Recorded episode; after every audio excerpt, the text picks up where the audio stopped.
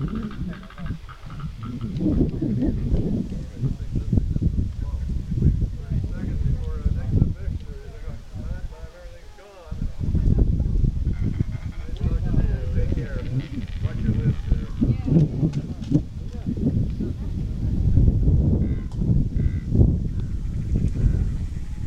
is that right?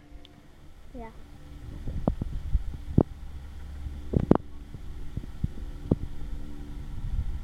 If it was right below me, I would do it. But if way back there, no way. Unless they were sleeping or they were dead. Well, it looks like they're all kind of sleeping,